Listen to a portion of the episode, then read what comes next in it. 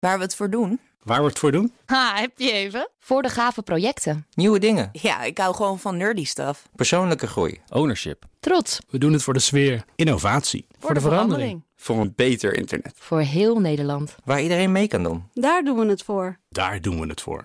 Waar doe jij het voor?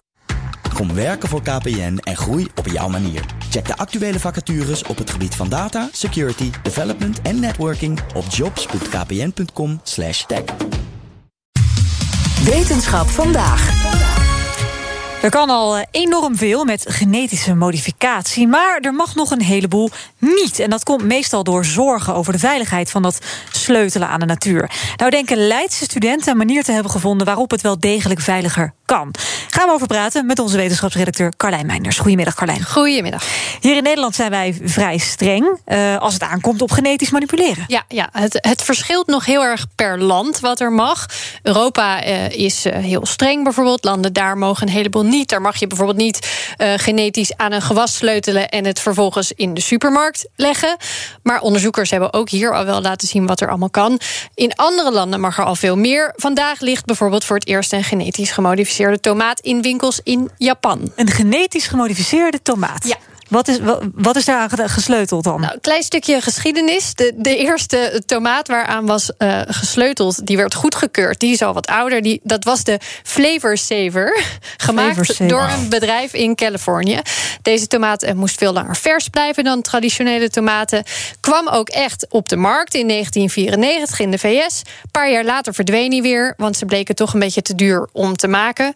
Uh, deze nieuwe, die nu in Japan is goedgekeurd, heeft bloeddrukverlagende kwaliteiten. Interessant. Een stofje dat van nature al in tomaten zit, zit in deze variant nog veel meer. Er is wel een beetje discussie over, over de goedkeuring ervan, van Ja. die tomaat, maar ook over het nut. Want kun je niet gewoon supplementen slikken in plaats van duurdere tomaten kopen? Zou je zeggen. Hè? Ze kunnen natuurlijk wel op die manier ook iets aanpassen, zoals de smaak. Ja, ze kunnen een heleboel. eh, Tomaat die naar wortel gaat smaken.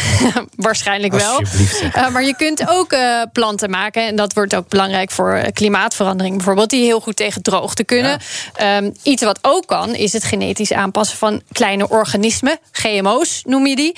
Eh, je kunt bijvoorbeeld bacteriën zo aanpassen in het lab... dat ze hongerige CO2-eters worden. Ah, dat is handig. Ja, en dan kunnen ze ons beter helpen bij het aanpakken van milieuproblemen. Maar je snapt ook dat ligt gevoelig. Waarom dan? Want dat klinkt gewoon als iets wat maatschappelijk van groot nut is. Ja, ja, maar mensen vinden dat toch een beetje een eng idee. Is natuurlijk ook wel terecht. Als je gaat sleutelen aan de natuur, moet je wel zeker weten dat de gevolgen te overzien zijn. Dat je niet van alles verstoort in ecosystemen, Ja, ja. bijvoorbeeld. Ja, zeker als je die kleine beestjes aanpast en ze dan weer terugplaatst in de natuur. Hè, Eh, dan wil je bijvoorbeeld niet dat ze andere organismen weg gaan concurreren. Nee. Uh, maar door uh, de zorgen blijft er wel een heleboel op de plank liggen. Een heleboel dingen die al kunnen, maar die we niet mogen nog. En nu denkt een Leids studententeam iets te hebben bedacht... waardoor die GMO's veiliger kunnen worden. Een slimme versleuteling, een soort kettingslot... dat voorkomt dat die beestjes hun omgeving negatief beïnvloeden. Ja, en dan moet je wel even uitleggen hoe zo'n slot er dan uitziet. Ja, uh, dat zit in de beestjes zelf. Uh, Zo'n bacterie heeft naast zijn eigen DNA ook plasmides. Dat zijn een soort DNA-rondjes. Die worden in de natuur ook gewoon uitgewisseld tussen bacteriën. Zo kan bijvoorbeeld antibiotica-resistentie ontstaan. Ja. Kan het van de ene kolonie naar de andere. En in die plasmides kan ook de genetische code makkelijk worden aangepast. Dat gebeurt dus al op verschillende manieren in het lab. En daar maken ze ook hier gebruik van voor dat slot. Legt Iris Noordermeer van de Universiteit Leiden uit. Wij gebruiken twee van die cirkelvormige plasmiden. En die maken wij dus echt afhankelijk van elkaar. Waarbij je op allebei de plasmiden zowel een toxin, dus een gif, en een antigif hebt. Maar de, de antigif zit op het andere plasmide van de, ja, van de toxin, dus van het gif. Waardoor als één plasmide zou worden overgedragen naar een andere bacterie, dan blijft er dus één plasmide over.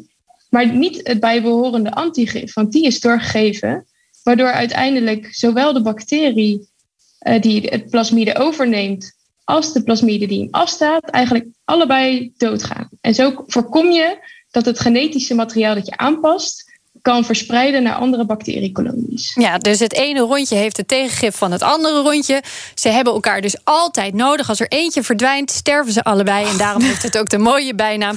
het Romeo en Julia model Ja. gekregen. En kunnen Romeo en Julia dan niet samen ontsnappen... en dan, dan nog een enorme ravage aanrichten? hele goede vraag. Die had ik ook al even voorgelegd aan teamlid Chanel Naar. Dat is een risico wat wellicht zou kunnen. Dat moet er wel bij zeggen dat de kans dat zo'n plasmide overgegeven wordt op zichzelf eh, al heel klein is.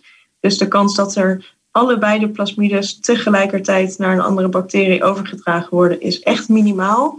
Eh, maar we hebben wel ook toekomstige plannen om dat risico ook nog helemaal in te perken. Ehm, en waar we dan naar kijken is bijvoorbeeld één stukje van het kettingslot toch in het genoom te eh, integreren van de bacterie. Dus dat het ook helemaal niet meer mogelijk is dat ze allebei overgedragen worden. Mooie naam wel, dat Romeo en Julia. Ja, toch? Ja, en werkt dat dan voor, alleen voor bacteriën? Nou, een plant bijvoorbeeld heeft deze optie niet echt. Daar vind je die plasmides niet in. Nou doet het team met dit onderzoek mee aan een internationale synthetische biologie-wedstrijd, iGEM. 45 verschillende landen doen daar aan mee. Uitreiking in november. En omdat het begin hiervan, dat creëren van het slot, dat is niet makkelijk, zijn ze ook nog een crowdfunding begonnen hiervoor. Oh ja, Wil je daar meer over weten, dan vind je een linkje op pnr.nl/slash wetenschap vandaag. Dankjewel, Carlijn. Wetenschap vandaag wordt mede mogelijk gemaakt door Broadwick, de staffingpartner voor het data. Ook Bas van Werven vind je in de BNR-app. Ja, je kunt live naar mij en Iwan luisteren tijdens de ochtendspits. Je krijgt een melding van Breaking News. En niet alleen onze podcast Ochtendnieuws, maar alle BNR-podcasts vind je in de app. Download nu de gratis BNR-app en blijf scherp.